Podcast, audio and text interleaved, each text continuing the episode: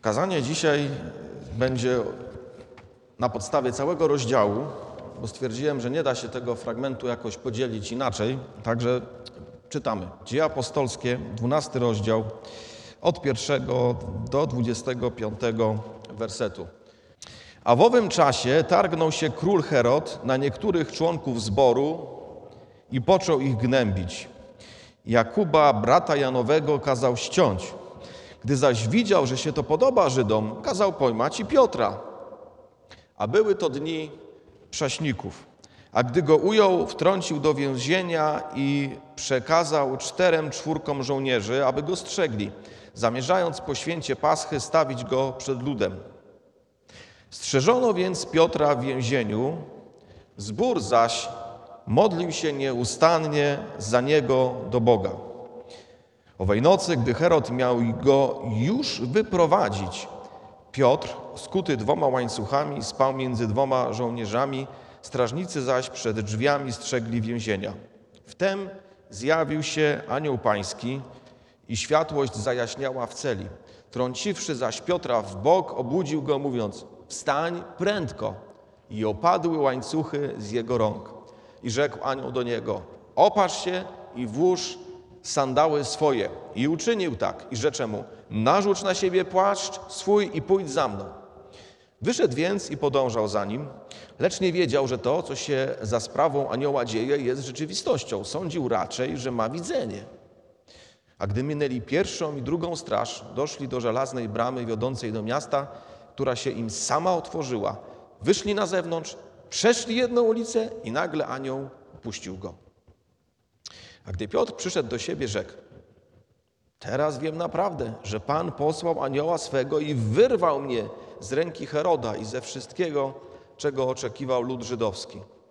Gdy sobie to uświadomił, udał się do domu Marii, matki Jana, którego nazywano Markiem, gdzie było wielu zgromadzonych na modlitwie. A gdy zakołatał do drzwi bramy, wyszła dziewczyna imieniem Rodę, aby nasłuchiwać. I poznawszy głos Piotra z radości, nie otworzyła bramy, lecz pobiegła do domu i oznajmiła, że Piotr stoi przed bramą. Oni zaś powiedzieli do niej: Oszalałaś. Ona jednak zapewniała, że tak jest istotnie. A oni na to: To jego anioł. Piotr zaś kołatał nadal. A gdy otworzyli, ujrzeli go i zdumieli się. Dawszy im znać ręką, aby milczeli, opowiedział im, jak go Pan wybawił z więzienia i rzekł: Powiadomcie o tym Jakuba i braci. Potem wyszedł i udał się na inne miejsce. A gdy nastał dzień, powstał niemały popłoch wśród żołnierzy, co też się stało z Piotrem. Herod zaś kazał go szukać, a gdy go nie znalazł, kazał przesłuchać stróżów i wyprowadzić na stracenie. Potem odszedł z Judei do Cezarei i tam przebywał. A miał on zatarg z Tyryjczykami i Sydończykami, którzy wspólnie przybyli do niego i zjednawszy sobie Blasta, podkomorzego królewskiego, prosili o pokój, ponieważ kraj ich pobierał żywność z ziem królewskich. W oznaczonym dniu Herod, odziany w szatę królewską, zasiadł na tronie i w obecności ludu wygłaszał do nich mowę. Lud zaś wołał: Boży to głos, a nie ludzki. W tej samej chwili poraził go anioł pański za to, że nie oddał chwały Bogu. Potem stoczony, stoczony przez robactwo wyzionął ducha.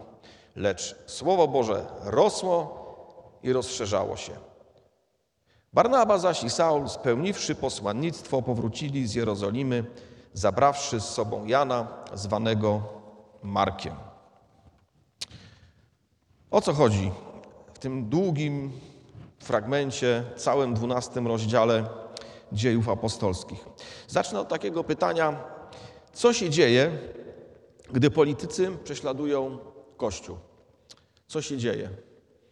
Znaczy zewnętrznie wiemy, co się dzieje. Politycy prześladują Kościół. Ale co się dzieje w takim wymiarze duchowym? Na co jako chrześcijanie możemy w takiej sytuacji liczyć? Czy w ogóle na cokolwiek możemy liczyć? Kiedy na przykład Herodzi zabijają apostołów. Na co wtedy w takiej sytuacji jako Boży Kościół możemy liczyć? E, czy Bóg się dołączy do tej historii? Czy wmiesza się w politykę, skoro polityka wmieszała się w Kościół? A może zostawi? A może Bóg mówi: Nie, nie, słuchajcie, ja działam w sercach ludzkich, ale w sercach polityków to już nie działam.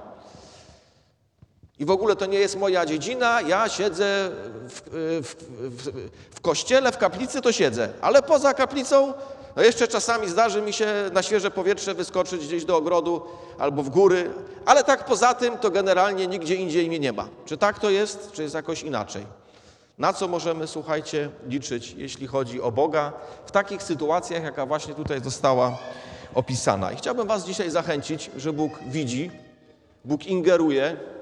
Więcej, ja bym powiedział, że sednem historii, kiedy patrzymy na ten cały fragment, sednem historii nie jest polityka Herodów, chociaż bardzo często nam się to wydaje, a szczególnie jak sobie włączymy Facebook, telewizję, czy tam cokolwiek oglądamy, skądkolwiek czerpiemy nasze wiadomości o świecie. A więc sednem historii nie jest polityka Herodów, ale sednem historii jest rozwój Królestwa Chrystusa, które trwa na wieki. Sednem historii jest rozwój Królestwa Chrystusa, które trwa na wieki, a nie widzi mi się Herodów. I to jest bardzo pocieszająca myśl, kiedy patrzę na ten cały dwunasty rozdział. Zwróćcie uwagę, jak on się kończy właśnie taką, takim stwierdzeniem, stwierdzeniem, że no właśnie, nie będę wyprzedzał, wyprzedzał faktów, zaraz sobie całość omówimy. Słuchajcie, yy, kiedy czytałem ten fragment, to sobie pomyślałem, po co w zasadzie on jest? Popatrzcie, 11 rozdział, 30 werset się kończy, że dali ofiarę na Jerozolimę, posłali ją starszym przez Barnabę i Saula i ten 12 y, rozdział się kończy, Barnaba zaś i Saul spełniwszy posłannictwo powrócili z Jerozolimy, zabrawszy z sobą Jana zwanego Markiem. Tak naprawdę można by wyciąć ten cały rozdział z dziejów apostolskich i akcja by sobie spokojnie dalej trwała. Więc dlaczego ten rozdział tu jest? Po co on tu jest? Jakby dlaczego Łukasz uznał, oczywiście pod natchnieniem Bożym, że on nam jest potrzebny? I pierwsza taka moja myśl to była, że po prostu ta historia jest zbyt ciekawa, żeby jej nie opowiedzieć.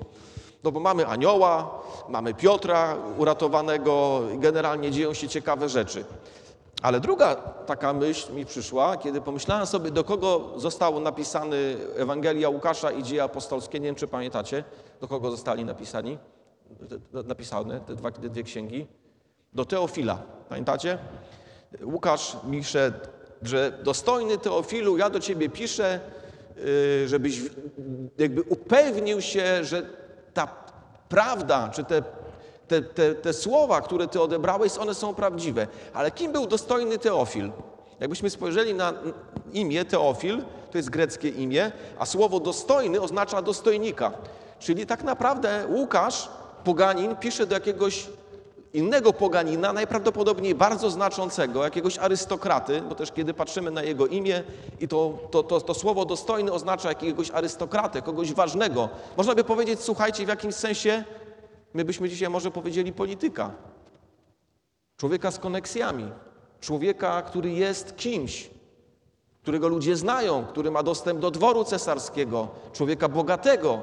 A więc pisze do kogoś takiego Ewangelię Łukasza i dzieje apostolskie. I myślę sobie, że dla Teofila ten rozdział jest kluczowy, bo ten rozdział uczy go właśnie jak Bóg się porusza w tej przestrzeni, można powiedzieć, która dla niego jest codziennością, ale gdzie on być może Boga w ogóle nie widzi. Bo nie, nie ma tam zbyt wielu chrześcijan. Czego on, jako teofil, się może spodziewać od Boga? Jakiego prowadzenia, jakiego działania, jakiego zainteresowania? I myślę sobie, że patrząc właśnie w tej perspektywie, jest to bardzo, bardzo ważny rozdział, bardzo potrzebny. Ja bym powiedział nie tylko dla Teofila tamtego czasu, ale myślę również i dla Teofilów dzisiejszego dnia. Jeśli ktoś z nas chce być politykiem, albo jest politykiem, albo coś od niego zależy, to lepiej niech słucha tego 12 rozdziału, a jak nie jesteśmy, to i tak słuchajmy i nabierajmy ufności i pokrzepienia, bo ten rozdział mówi o Kościele. Mówi i o Kościele, i o tej wysokiej, dużej polityce przez duże, du, duże P. Yy, podział tego fragmentu tego całego rozdziału generalnie to są dwie części. Herod wtrąca się w sprawy Boże i to, jest, to są wersety od 1 do 6 i potem Bóg wtrąca się w sprawy Heroda i to jest od 7 do końca. Więc najpierw Herod wtrąca się w sprawy Boże, a potem Bóg wtrąca się w sprawy Heroda. I generalnie Bóg się wtrąca w te sprawy Heroda na dwa sposoby. Po pierwsze, ratuje przez anioła apostoła Piotra, i to są wersety od 7 do 19, I w końcu, kończąc historię Heroda, to są wersety od 20 do 23. I w końcu 24 werset, podsumowanie takie bardzo budujące. Co się działo ze Słowem Bożym? Rosło i rozszerzało się. Popatrzcie, że całe to podsumowanie całej tej historii jest bardzo, bardzo takie, bym powiedział, no, budujące nasze serce. Że niezależnie od tych wszystkich sytuacji, niezależnie od woli Heroda, Słowo Boże rosło i rozszerzało się. A więc właśnie rozwój Kościo Królestwa Chrystusa, Kościoła Chrystusa jest sednem historii. E, I o to chodzi Panu Bogu. A więc zastanówmy się najpierw nad tym, jak ten Herod wtrącił się w sprawy Boże. Pierwszy werset, król Herod. Który Herod? Wiecie, który Herod w Biblii? Trzeci. Mamy trzech Herodów w Biblii. Pierwszy Herod to jest Herod Wielki z czasów, jak się narodził Pan Jezus, który chciał go zabić. Nie będę więcej o nim mówił, ale żebyśmy pamiętali. To jest Herod Wielki. Drugi Herod to jest Herod Antypas, syn Heroda Wielkiego, który, yy, którego mamy w trakcie ukrzyżowania. Tak? Który zabił Jana Chrzciciela i które, który o, właśnie odesłał yy, Pana Jezusa. Yy, I potem mamy y, Heroda Agryppę i to jest Herod Agrypa, to jest trzeci Herod w Biblii, więc jak czytamy Herod musimy pamiętać, że oni tam trwa, że tak powiem, historia i to jest trzeci Herod, Herod Agrypa.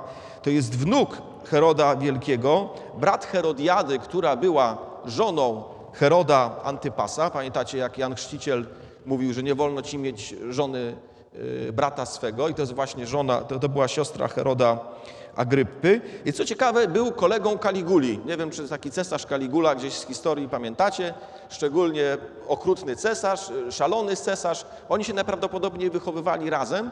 I wiemy też o tym, dlatego że kiedy Kaligula został cesarzem, to po prostu dał wszystko, co mógł swojemu koledze Herodzie Agryppie.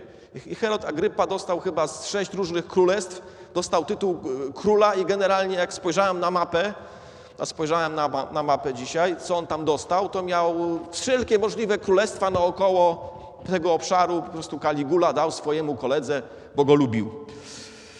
Co ciekawe, Kaligula później, już tam nie będę dużo opowiadał, bo to ciekawe historie, tylko dodam, że Kaligula chciał w związku z tym, żeby tak trochę uszanował go jego kolega i żeby y, mógł zasiąść w świątyni w Jerozolimie. No dużo nie chciał, taki po prostu gest życzliwości, tak? taki cesarski. No i właśnie y, Herod Agrypa na tyle był mądry i rozsądny, że wiedział, że Żydzi mogliby nie zrozumieć tej, tego gestu życzliwości i jak mógł to omijał, żeby siadał gdziekolwiek indziej, ale nie w świątyni w Jerozolimie i generalnie udało mu się i, y, i właśnie Kaligula y, zmarł w pewnym momencie i już się skończył problem z siadaniem w świątyni żydowskiej. Natomiast sam Herod Agrypa był dosyć takim, można powiedzieć, wrednym człowiekiem albo skutecznym politykiem, jak to woli. Na przykład jak y, jego wujek Herod Antypas pojechał do Rzymu, to tak ustawił wszystko w Rzymie, żeby Herod Antypas stracił wszystko i kto zyskał? On. No bo to taka polityka, czyli skuteczny polityk. I tutaj, słuchajcie, go spotykamy właśnie robiącego politykę. W pierwszym wersecie jest powiedziane, że targnął się król Herod na niektórych członków zboru i począł ich gnębić. Dlaczego on to zrobił? No nie dlatego, że jakoś szczególnie był zainteresowany y, wiarą żydowską, co zresztą później końcówka tego rozdziału nam pokazuje, no ale po prostu tutaj jest polityka. Wszystko jest polityką. Widział napięcie w Jerozolimie, widział napięcie pomiędzy z jednej strony faryzeuszami, z drugiej strony apostołami i co stwierdził, że trzeba zrobić? No trzeba to wykorzystać dla siebie. Wybrał jedną stronę, opowiedział się po tej jednej stronie, a drugą po prostu zaczął ciemiężyć. I, mm, I myślę sobie, że czasami, słuchajcie, to jest nieuchronne. Czasami nam się wydaje, że Kościół może gdzieś uniknąć takich problemów, ale nie może uniknąć. Słuchajcie, nie może uniknąć.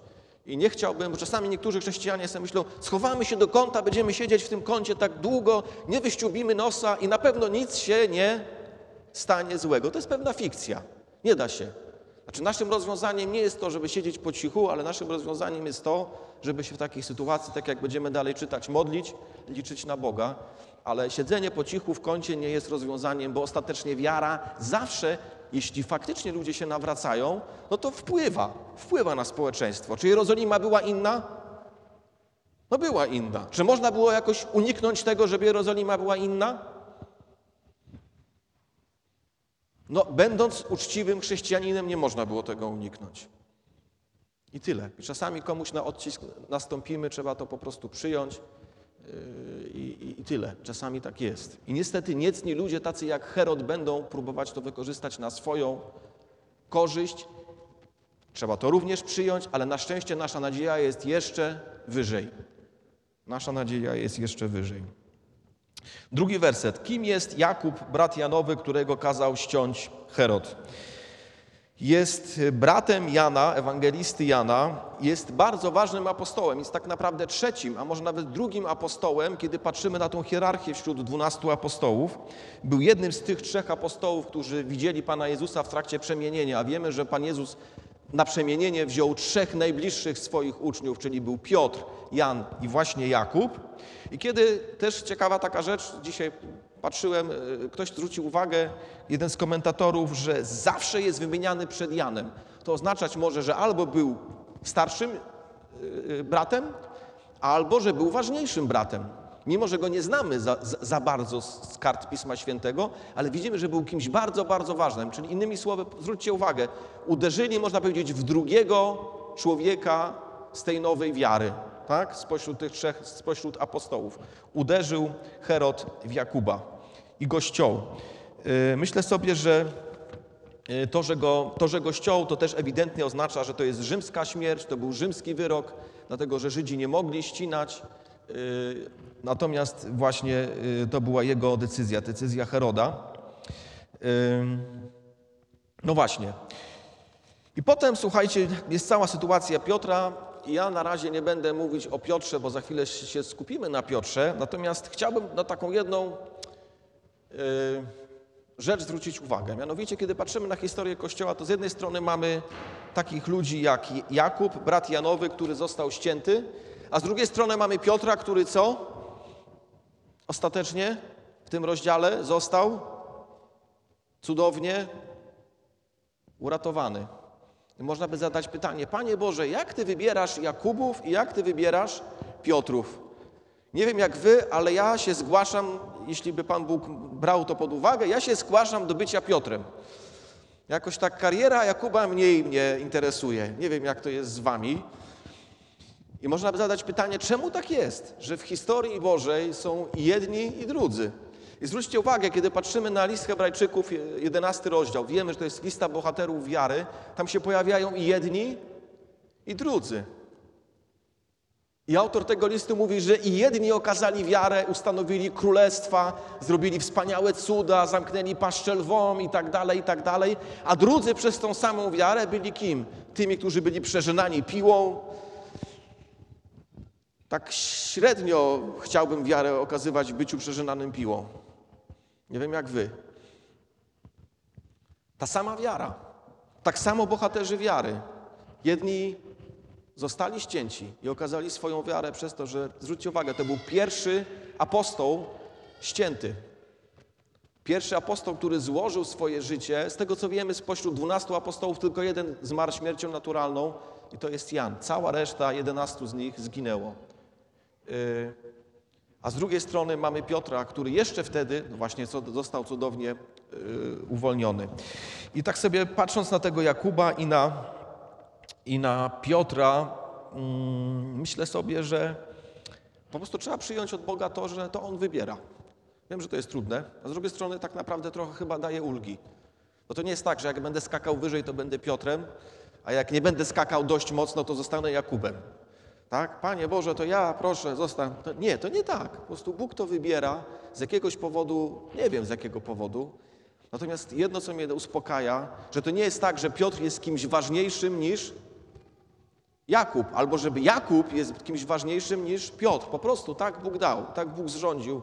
Jeden okazał swoją wiarę przez to, że złożył swoje życie jako męczennik, a drugi okazał swoją wiarę przez posłuszne życie i doświadczanie cudów, bo ewidentnie ten moment jeszcze dla niego nie nadszedł, żeby właśnie w taki sposób to życie swoje zakończyć. I tu takie, takie pytanie chciałbym Wam zadać. Jak myślisz o sobie, o swoim życiu?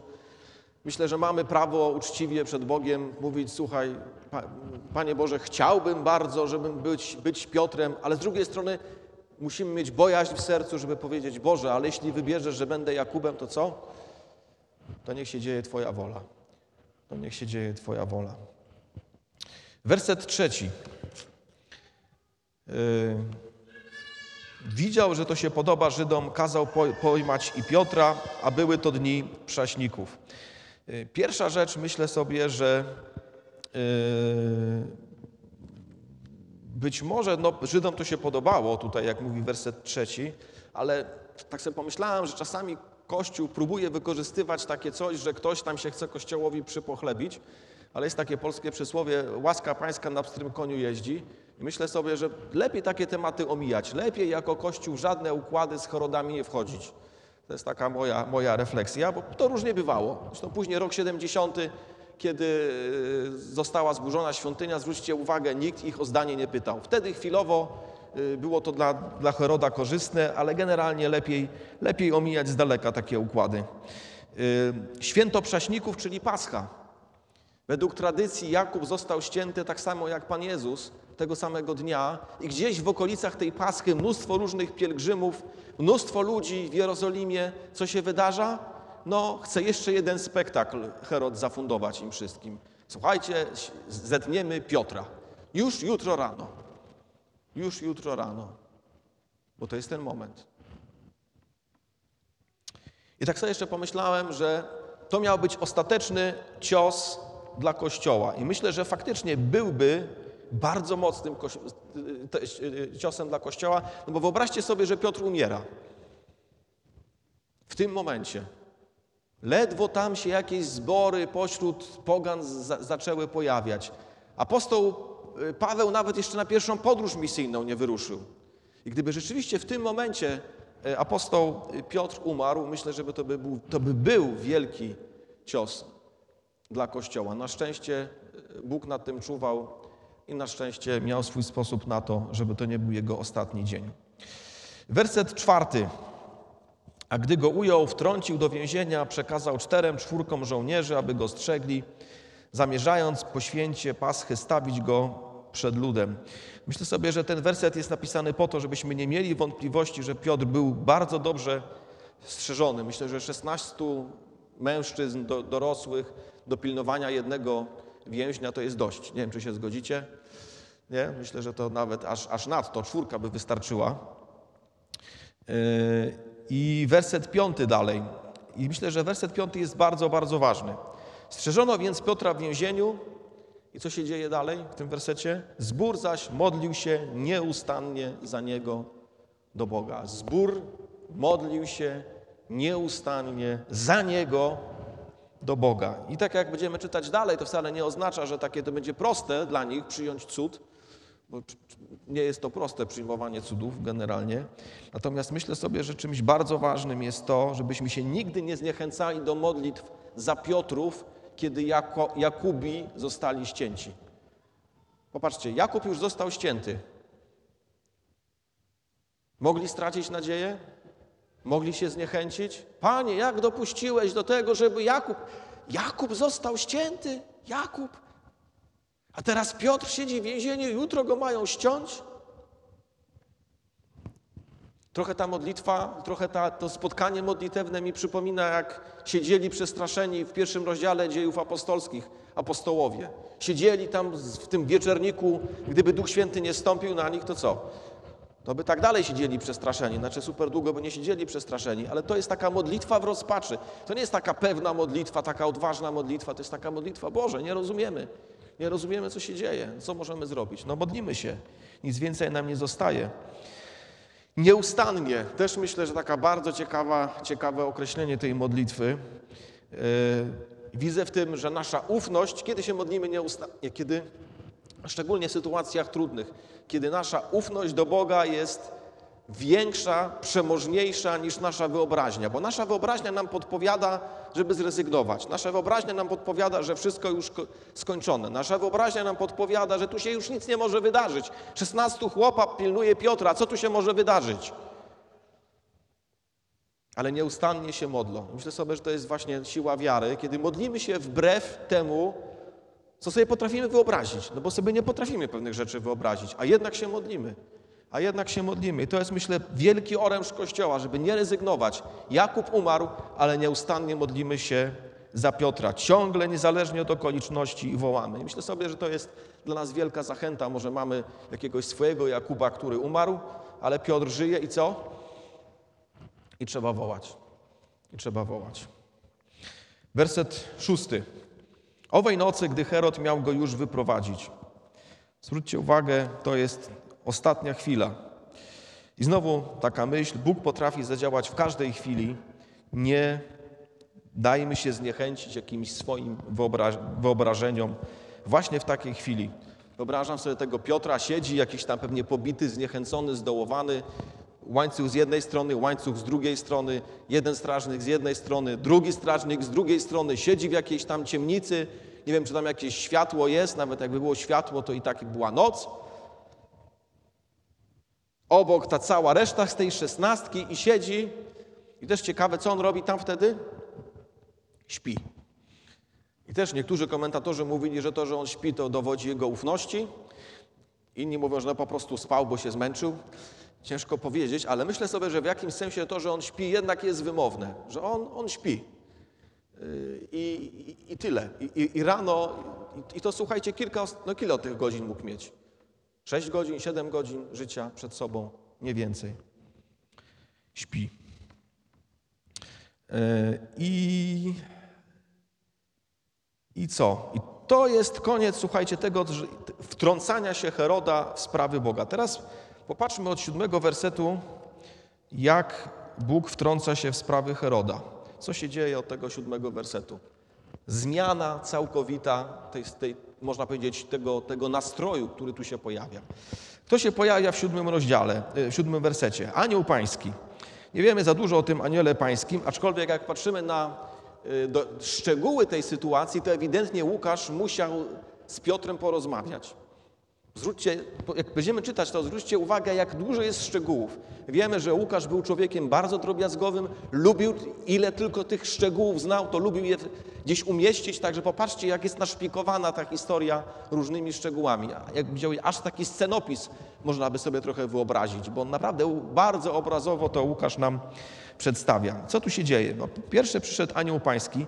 Nie wiemy zbyt wiele o tym aniole pańskim, ale wiemy, że razem z nim światłość zajaśniała w celi. Kojarzy mi się to y, z, mm, z Łukaszem 2,19. Nie wiem, czy pamiętacie, jak się pojawili aniołowie przed y, pastuszkami. Co się zrobiło? I zajaśniała jasność wielka. To tak sobie zawsze trochę wyobrażam, że gdzieś się niebo otwiera i trochę tej światłości z nieba tak jak czasami otwiera się jakiś lufcik, a tam w środku jest światło, to nagle w tą ciemność się ujawnia. I tutaj coś bardzo podobnego. Przychodzi anioł, ale on jakby przychodzi z tej rzeczywistości Bożej, no i jakoś tą rzeczywistość Bożą w sobie niesie. E, pomyślałem też chwilę nad tą jasnością e, Bożą. E, myślę, że to nie chodzi tylko o jakieś takie fizyczne światło, ale to jest w pewnym sensie obecność Boża. Obecność Boża to jest coś więcej niż tylko jasność ale to jest myślę też pewna, tak jak czujecie, czujecie obecność kogoś obok, obok siebie, ważnego? Czujemy, że, że on coś wprowadza sobą, albo pokój, albo radość, albo wdzięczność, albo niepokój, albo, albo cokolwiek. Kiedy jakby przychodzi ten anioł ze światłością, on wprowadza jakby obecność Bożą właśnie do tej celi, celi apostoła Piotra. Ale to nie wszystko. Pomyślałem sobie, co się dzieje z tymi z tymi y, dwoma żołnierzami. Widzieli tą jasność, czy nie widzieli tej jasności? Wygląda na to, że oni są nieobudzeni. Albo spali kamiennym snem, bo się najedli czegoś, albo wydaje mi się, znowu taki ciekawy fragment, y, który znalazłem w drugiej Mojżeszowej 14:20. Nie wiem, czy pamiętacie, jak, jak Egipcjanie już prawie dopadli Żydów, którzy uciekali z Egiptu. I w pewnym momencie jest powiedziane, że Boży słup ognia z jednej strony był jasnością, a z drugiej strony był ciemnością. Czyli jakby, nie wiem, oddzielił te dwie grupy ludzi od siebie tak, że oni kompletnie nie wiedzieli o tym, że są bardzo blisko siebie. I tu sobie trochę to podobnie wyobrażam, no, że w jakiś sposób jasność była jasnością dla apostoła Piotra, natomiast ta, ci obok siedzący żołnierze nie mieli zielonego pojęcia, co się dzieje. E, Kolejna rzecz, bardzo ciekawa w siódmym wersecie, że trzeba było go po prostu trącić w bok tego Piotra. Znowu zwróćcie uwagę, trącił go w bok, nie że tam dotknął go, ale trącił w bok. No bardzo konkretna, konkretny opis. I, I mówi, wstań prędko. Opadły łańcuchy z jego rąk, czyli on z tymi łańcuchami się nie musiał w żaden sposób e, męczyć. E, werset ósmy. Popatrzcie na werset ósmy, co mówi anioł do Piotra. Ile praktycznych wskazówek. Opasz się, włóż sandały swoje, narzuć na siebie płaszcz, pójdź za mną. Bardzo praktyczny anioł, jak na moje oko. Nie wiem, czy się zgodzicie. Tak? Nie wiem, jak, może ktoś z Was miał jakieś kontakty z aniołami. Ja nie miałem jak na razie, przynajmniej nie miałem żadnych takich namacalnych, ale naprawdę wyjątkowo praktyczny anioł. Można powiedzieć, aniele, nie mogłeś mu sam tych butów jakoś nałożyć, albo nie mogłeś go sam opasać, albo dlaczego w ogóle każesz mu się o płaszcz martwić? Można tak zapytać? I powiem wam tak, ten praktyczny anioł uczy mnie takiej y, lekcji. Cudowno, cudowność nie wyklucza praktyczności i zdrowego rozsądku. Cudowność nie wyklucza praktyczności i zdrowego rozsądku. Aniołowie potrafią być praktyczni, nawet cudownie ratując. I to jest ciekawe. One ciągle żyją tutaj. Mówią, Piotrze, ja, ja cię stąd wyprowadzę. Będziesz potrzebował tych sandałów. Będziesz potrzebował być opasany. Będziesz zimno, jak płaszcza nie nałożysz, jeszcze nam zejdziesz, że tak powiem, na, na przeziębienie, czy jakąś grypę, czy co tamkolwiek. Te wszystkie rzeczy są potrzebne. A więc słuchajcie, yy, myślę sobie, że skoro aniołowie są praktyczni i zdroworozsądkowi, to tym bardziej my też powinniśmy być. Zgodzicie się? Niezależnie od tego, że wierzymy w Boże ingerencje, to czasami niektórzy chrześcijanie wierzą tak bardzo w te Boże ingerencje, że zostawiają sandały, zostawiają płaszcze, mówią tutaj teraz, Panie Boże, ja sobie poradzę. No, anioł na to trochę inaczej spoglądał. Więc skoro na to trochę inaczej anioł spoglądał, myślę, że my również powinniśmy się czegoś od nich uczyć. Czasami chrześcijanie próbują się udziwnić na siłę, a tu mamy anioła, który jest bardzo, można powiedzieć, taki właśnie zwyczajny w swoich poleceniach do Piotra. Werset dziewiąty. No i ewidentnie wszystko to zrobił, wyszedł i podążał za nim, lecz nie wiedział, że to, co się za sprawą anioła dzieje, jest rzeczywistością.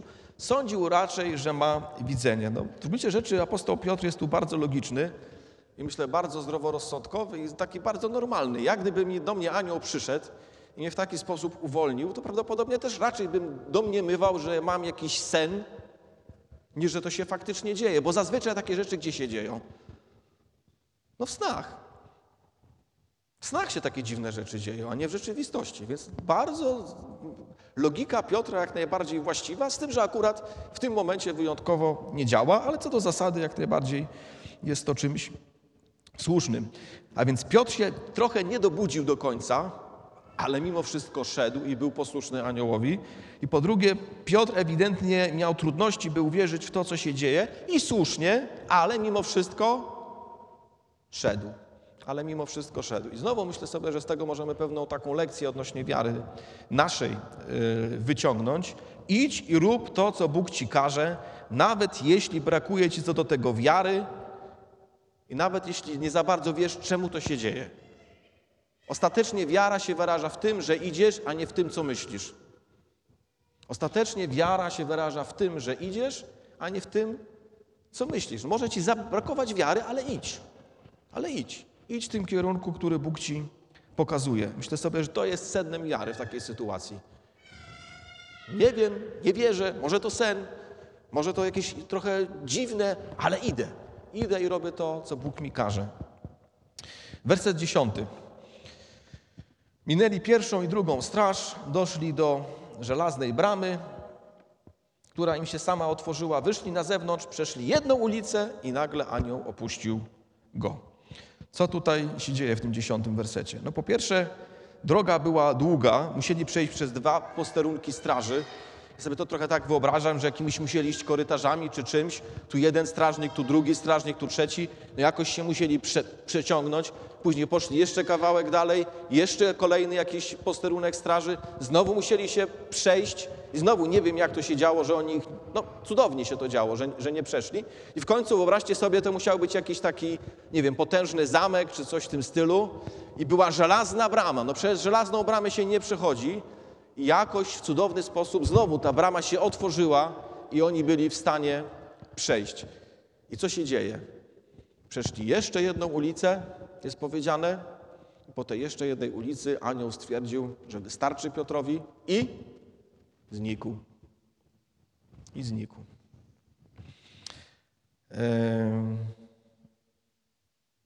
Cudowne otwarcie bramy wyprowadzenie, doprowadzenie do bezpiecznego miejsca. Co z tego wynika?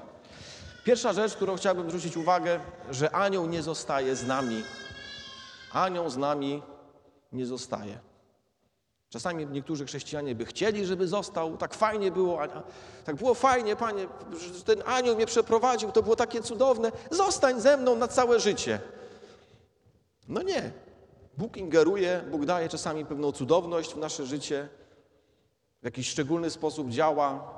Sam mam takie chwile, o których kiedy pomyślę, to aż mnie, że tak powiem, to się zastanawiam, ile tam aniołów musiało być, że, że, że pewne rzeczy przeżyłem. No ale się skończyło. W pewnym momencie anioł nas pozostawia i musimy wrócić do normalnego życia. Czy w tym normalnym życiu Boga nie ma? Jest, tylko aniołów nie ma. Albo przynajmniej tak wyraźnie działających aniołów nie ma bo to była jakaś ingerencja, która miała zadziałać, ale życie chrześcijańskie nie polega na tym, że codziennie przynajmniej sześć razy przychodzą aniołowie i w cudowny sposób dają nam ingerencję. No tak nie jest, bo by nam spowszedniało. Nie wiem, może jeszcze jakieś inne dziwne rzeczy by się zaczęły dziać. Tak po prostu nie jest. Bożą wolą jest powrót do działania w normalny sposób, a nie ciągła cudowność. I chciałbym, żebyśmy o tym pamiętali. Ingerencje ratują, ale nie zastępują nam życia. Życie jest dobre i Bogu się podoba, takim jakim jest, zwyczajne. I w tym zwyczajnym życiu mamy właśnie okazywać wiarę, okazywać ufność. To nie wyklucza takich chwil jak ta, która była tutaj, ale zwróćcie uwagę, że anioł nie zostaje anioł nie zostaje. Myślę sobie, że to jest bardzo ważne. E, jedenasty werset. Gdy Piotr przyszedł do siebie, rzekł: Teraz wiem naprawdę, że Pan posłał anioła swego i wyrwał mnie z ręki Heroda i z wszystkiego, czego oczekiwał lud żydowski. Zwróćcie uwagę, że on tak naprawdę dopiero kiedy to wszystko się wydarzyło, on mówi: Gdzie ja jestem? A gdzie był? O ulicę od bramy. Siedzi sobie Piotr, patrzy, że jest od ulicy, od bramy, a może 10 minut czy 15 minut temu był w celi i sobie myśli, no nie, to nie mogło mi się przyśnić. Bo gdyby mi się przyśniło, to jakbym się uszczypnął, to bym wylądował z powrotem w celi. Ale się szczypie i co? Nie ma celi. Nie ma celi, wyszedłem. To mi się nie przywidziało. To jest aż, aż dziwne. To jest, jego, jego myślenie jest logiczne. Takie rzeczy się nie zdarzają, ale właśnie mi się zdarzyło. Ale właśnie mi się zdarzyło. Siedzę tutaj po środku nocy, był anioł, znikł i muszę, mówiąc kolokwialnie, się ogarnąć. Muszę zacząć coś robić, bo to się skończyło. Ten moment wyjścia się zakończył. I. Yy, Myślę, że dopiero wtedy do końca się wybudził i wciąż mu było ciężko uwierzyć e, w to, co się wydarzyło. I powiem Wam tak, co do zasady cuda nie są proste do przyjęcia. Jeśli kiedyś miałeś, pomyśl nad jakąś taką najbardziej cudowną rzeczą, która się wydarzyła w Twoim życiu wiary, czy nie pojawiają się czasami wątpliwości? Czy to na pewno był Bóg, a może tak sobie trochę wkręcam, a może to taki po prostu zbieg okoliczności? Popatrzcie, kiedy coś się dzieje, to, to wydaje nam się to zupełnie oczywiste, ale z czasem gdzieś czasami te wątpliwości się pojawiają. I tak naprawdę myślę sobie, że ostatecznie nie jest to aż tak bardzo ważne. Ważne jest to, żeby być wiernym Chrystusowi, to jest sednem. Natomiast to, że cuda nas zastanawiają, jest logiczne, bo cud jest dziwny. Z definicji jest dziwny. Więc nie ma w tym nic dziwnego, że dziwne rzeczy nas dziwią. Po prostu. I on też siedzi i mówi, nie, no po prostu, no Nie wiem, co się wydarzyło. Coś się wydarzyło, coś bardzo dziwnego. 15 minut i jestem zupełnie, zupełnie gdzie indziej.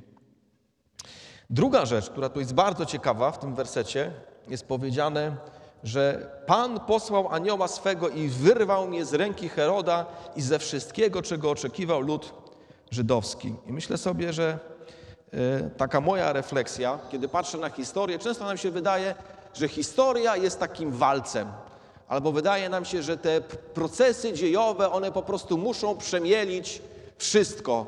Po prostu bez, bezbożność musi zniszczyć Europę, albo musi zapanować jakaś tam wersja bezboż, bezbożności, bo tak po prostu być musi, bo taka jest konieczność dziejowa. I tutaj też była konieczność dziejowa, konieczność dziejowa jest taka, że lud żydowski oczekiwał tego, żeby Piotra stracić. Ale kto ma kontrolę nad historią? Czy konieczność dziejowa, czy Bóg? Bóg. I myślę sobie, że to jest czymś bardzo ważnym, bo dzisiaj też myślimy sobie, czy Kościół się ostoi. No, jak patrzymy na pewne procesy dziejowe, to tak średnio się ostoi. Ale czy zdajecie sobie na przykład sprawę z tego, że w XX wieku było największe przebudzenie w całej historii ludzkości? Czy zdajecie sobie na przykład z tego sprawę, że na początku XX wieku w, w Afryce chrześcijan może było 2-3%, a obecnie prawie połowa czarnej Afryki to chrześcijanie? I w Europie też się może wszystko odmienić. W Europie też się może wszystko odmienić. Czy się odmieni? To zależy od Boga, ale nie wierzmy, nie dajmy się poddać takiemu myśleniu, że historia jest bezosobowa, że pewne tendencje muszą, no muszą przemielić. Nie muszą przemielić, bo ostatecznie Bóg działa, Bóg działa przez ludzi, ludzi szczególnych i ci ludzie wprowadzają zmianę, tak jak wprowadzali w historii, tak dzisiaj również wprowadzają zmiany. Nie dajmy się zniechęcić, nie dajmy się zdołować, nie dajmy się pozbawić wiary i nadziei, bo myślę sobie, że to jest właśnie przesłanie tego fragmentu. Herody, Herodzi mają swój, swój plan, lud żydowski ma swój plan, a Bóg ma swój plan. I ma swoich aniołów. Jak ma ochotę, to ich posyła. Tak? A więc ufajmy Bogu raczej, niż bójmy się procesów dziejowych. Dwunasty werset. Widzimy, że Piotr wiedział, gdzie się ma udać i ewidentnie y, wiedział, że po prostu udał się do domu Mat Marii Matki Jana. Myślę sobie, że tam pewnie nie raz już jakieś spotkania modlitewne były. To musiało być taki centrum modlitewne y, zboru jerozolimskiego. Myślę sobie, że to jest bardzo ciekawa rzecz. Co ciekawe, też inna rzecz, że jest powiedziane tutaj dom Marii Matki Jana. Prawdopodobnie była wdową. Bo normalnie w tamtych czasach się mówiło prawda, od, od właściciela, od, od, od mężczyzny, a tutaj ona była wdową, ale była wdową, która prawdopodobnie była również majętną wdową, ale całe to wszystko, co miała, poświęciła Panu i zwróćcie uwagę, że to Bogu służyło. I taka lekcja dla nas dzisiaj, czy Twój dom może służyć Panu? Tak jak dom Marii i Matki Jana? Może. Kim jeszcze była? Wiemy, że była Marią Marka, ewangelisty Marka, bo ten Jan tutaj, zwany Markiem, jest ewangelistą Markiem. Czyli zwróćcie uwagę, dużo dobrych rzeczy się działo w jej życiu. Yy, I wiemy, że wielu tam było zgromadzonych na modlitwie. Yy, I to też jest ciekawa rzecz. Tutaj jest to w 12 rozdziale, 5 wersecie było powiedziane, że zbór się modlił nieustannie, no i zwróćcie uwagę, że my czasami mówimy, że się modlimy nieustannie, ale mamy na myśli, że może się cyklicznie modlimy raz, dwa razy w czasie dnia. A tutaj to nieustannie faktycznie oznacza nieustannie. Jest, jest noc, tuż przed straceniem Piotra, oni siedzą i się modlą. Oni siedzą i się cały czas modlą. Oni wołają do Boga. Y, I myślę sobie, że taka lekcja dla nas, kiedy naprawdę coś złego się dzieje, to fajnie jest się zgromadzić, nie tylko wtedy, po prostu. Fajnie jest się gromadzić na modlitwę. Więcej, chciałbym zachęcić, może ktoś ma takie przekonanie w sercu, żeby jakąś grupę modlitewną poprowadzić. Słuchajcie, może masz takie powołanie Marii Matki Jana. Jak masz, to co? To to rób. No to rób. To jest też ciekawe, że bardzo często kobiety są bardziej wrażliwe na modlitwę niż mężczyźni. I myślę, że nie jest to przypadkiem, że, ona, że właśnie to centrum modlitewne jest u nich, u nich w domu. Także tak rzucam, może ziarenko spadnie na jakąś dobrą glebę przygotowaną. Co się dalej dzieje? W 13-14 wersecie.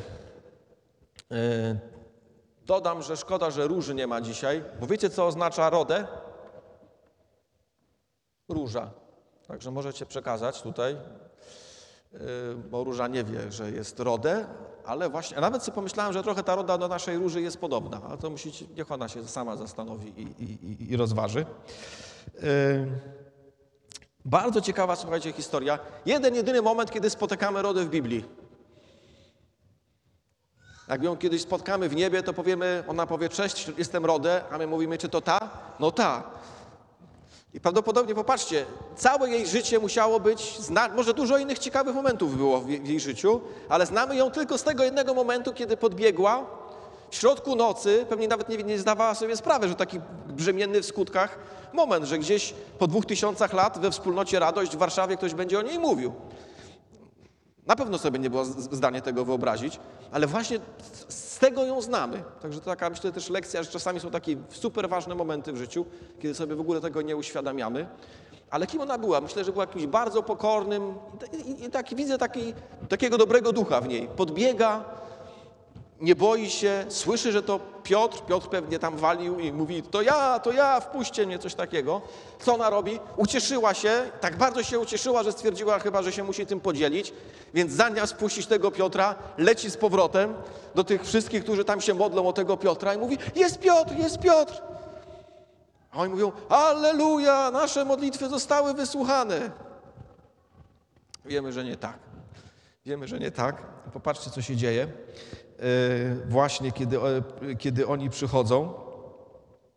No, modlenie się, tak jak czytamy w wersetem 15 i 16, niekoniecznie oznacza, że jesteśmy gotowi na przyjęcie Bożej odpowiedzi. Czasami się modlimy i gorliwie się modlimy, ale to wcale nie oznacza, że jesteśmy gotowi przyjąć Bożą odpowiedź. Bo kiedy ona przychodzi do nich, oni się modlą: Boże, prosimy o Piotra, bądź przy nim, zachęcaj go, daj nam wiarę, daj, no nie wiem jak się tam modlili, jakoś się modlili. Przychodzi ta Rodę do nich, mówi: Piotr, ucz jej. Oni mówią: No, Rodę, idź spać. Tak. No coś, czegoś ty się najadła. Oszalałaś. Tak literalnie tutaj mamy powiedziane. No ale myślę, że rozumiemy, jaka, jaka jest idea. No ona mówi, nie, nie, to on, to on. A oni na to, to jego anioł. No tą odpowiedź to mi się szczególnie podoba. I sobie pomyślałem, co, co to jest w ogóle za odpowiedź, to jego anioł. I stwierdziłem, że czasami jak nie wiemy, to próbujemy jakąś teologię dorobić do własnej niewiedzy i ignorancji. I oni też, no coś, coś musiało się tej rodę przywidzieć, no to powiedzmy, że to jego anioł. No to powiemy, to jego anioł. Yy, no właśnie. Także myślę, że jakiejś tutaj teologii nie powinniśmy, yy, może tak, lekcja jest taka, nie postępujmy tak jak oni. Jak nie wiemy, to się przyznajmy, że nie wiemy, sprawdźmy i nie dorabiajmy teologii do naszej ignorancji, bo z tego różne dziwne rzeczy wychodzą. I w końcu, yy, w końcu jednak Piotr dalej kołatał. Oni jednak w końcu stwierdzili, że chyba trzeba zejść i tą rodę jakoś usatysfakcjonować. No rzeczywiście ktoś puka, więc schodzą, patrzą, Piotr. I myślę sobie, że byli naprawdę zaskoczeni, musieli naprawdę być zdumieni, może im odjęło w ogóle, odjęło yy, mowę. Dziękuję Piotrze. I i co się dzieje dalej w 17 wersecie? Piotr jest w innym momencie. Piotr już sobie gdzieś tam musiał to w głowie poukładać, więc patrzcie znowu, jak, jak, jak jest drobiazgowy Łukasz. Dawszy im znak ręką, aby milczeli, tak to zrobił mniej więcej, opowiedział im, jak Pan go wyprowadził z więzienia i rzekł, powiadomcie o tym Jakuba i braci, potem wyszedł i udał się na inne miejsce. Zwróćcie uwagę, tu pierwszy raz się pojawia Jakub, którego znamy z listu Jakuba, on zacznie odgrywać najważniejsze miejsce, bo Piotr prawdopodobnie przynajmniej jakiś czas się musiał ukrywać. Jakub, brat Jana, zginął. Pojawia się Jakub, który nie jest formalnie jednym z apostołów, ale który ewidentnie zaczyna coraz ważniejszą rolę mieć w zborze jerozolimskim. I on mówi tak: Powiadomcie ich, że nic złego się ze mną nie stało, anioł mnie wyzwolił, ja znikam.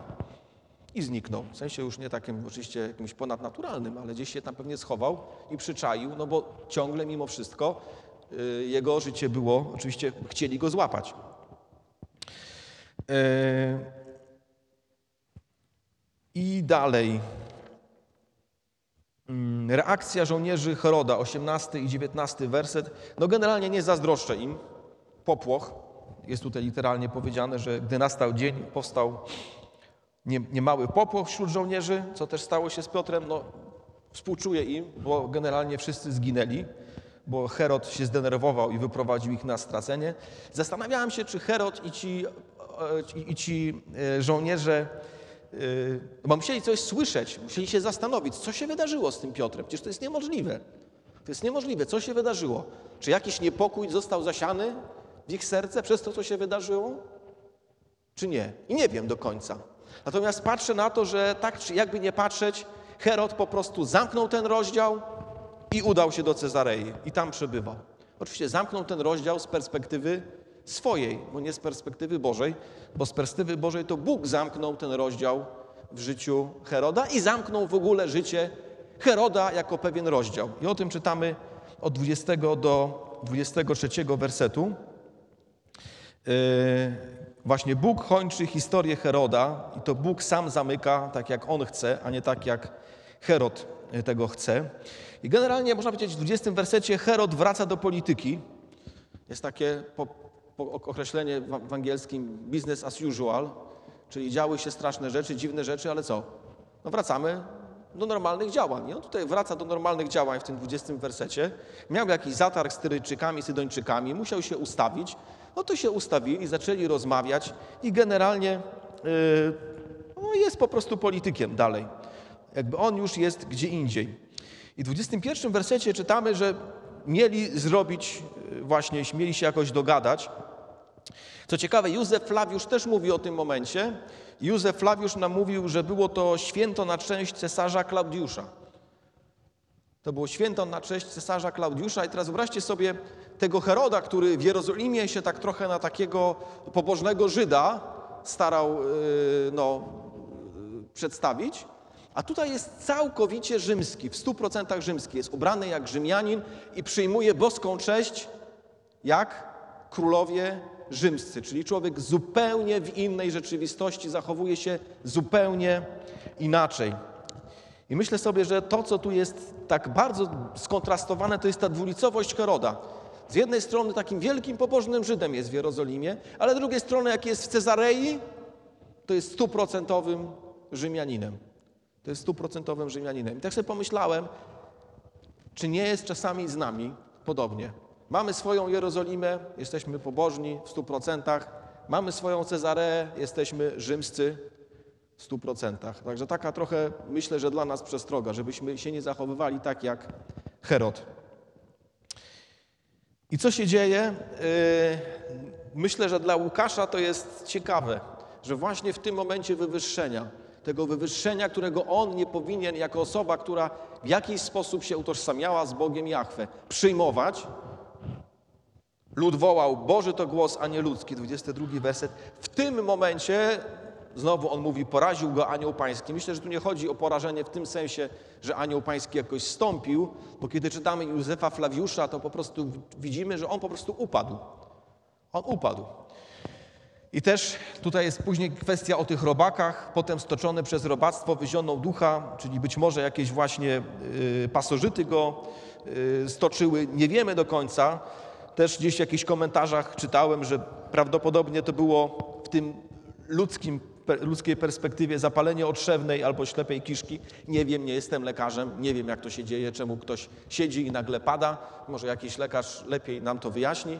W każdym razie ciekawe jest to. I myślę sobie, że tutaj ewidentnie nie ma przypadku, że w tym momencie, kiedy on siedzi taki wywyższony, taki napuszony, taki dumny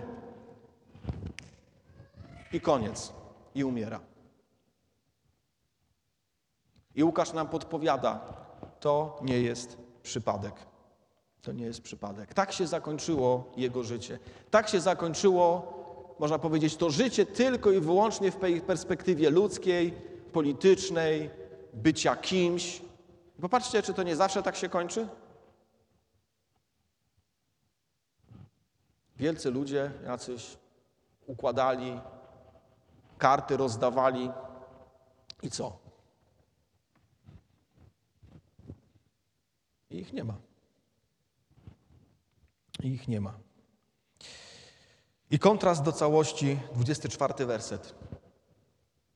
Był sobie Herod, miał swoje układy z Tyryjczykami i Zydończykami. A co się działo? Może niedostrzegane przez ludzi, na pewno niedostrzegane przez ludzi większości. Może nawet niedoceniane przez niektórych chrześcijan, ale co się działo? Słowo Boże rosło i rozszerzało się. Słowo Boże rosło i rozszerzało się. Chciałbym, żebyśmy w taki sposób, słuchajcie, spoglądali na historię. Żebyśmy w taki sposób spoglądali na historię. Historia ostatecznie to nie jest to, co mamy w newsach. Znaczy to też, to też, oczywiście to trwa. Nie, nie, ma, nie, nie zaprzeczamy tego. Ale to nie jest sednem historii. Sednem historii są Boże plany. Idźcie i czyńcie uczniami wszystkie narody, chrzcząc je w imię Ojca i Syna i Ducha Świętego, ucząc je przestrzegać wszystkiego, co wam przykazałem, a oto ja jestem z wami po wszystkie dni, aż do skończenia świata. No to jest Boży, to, to jest Boży plan. To się realizuje. Ewangelia ma dotrzeć do wszystkich języków. Kościół ma być jak zaczyn, który przemienia, aż się wszystko zakwasi. Ma być jak drzewo, które będzie błogosławieństwem dla narodów, dla wszystkich wokół. To są te Boże obrazy, obrazy, które Pan Jezus nam zostawia. Mówi nam, że mamy się modlić, przyjdź, królestwo Twoje. Popatrzcie, to, to, to, to, jest jakby sednem historii. Chciałbym Was zachęcić, kiedy patrzymy czasami na to, co jest. Można nam się wydawać, że nasze działanie, nasze życie, nasze wysiłki są tak znikome. Nie są znikome, bo właśnie o to chodzi, co Ty robisz. Bo właśnie o, twoją, o, two, o Twoje dzielenie się wiarą chodzi, o Twoje świadectwo chodzi. O Twoje posłuszeństwo Bogu chodzi w tej historii. To przetrwa, to będzie tym, co będzie ważne.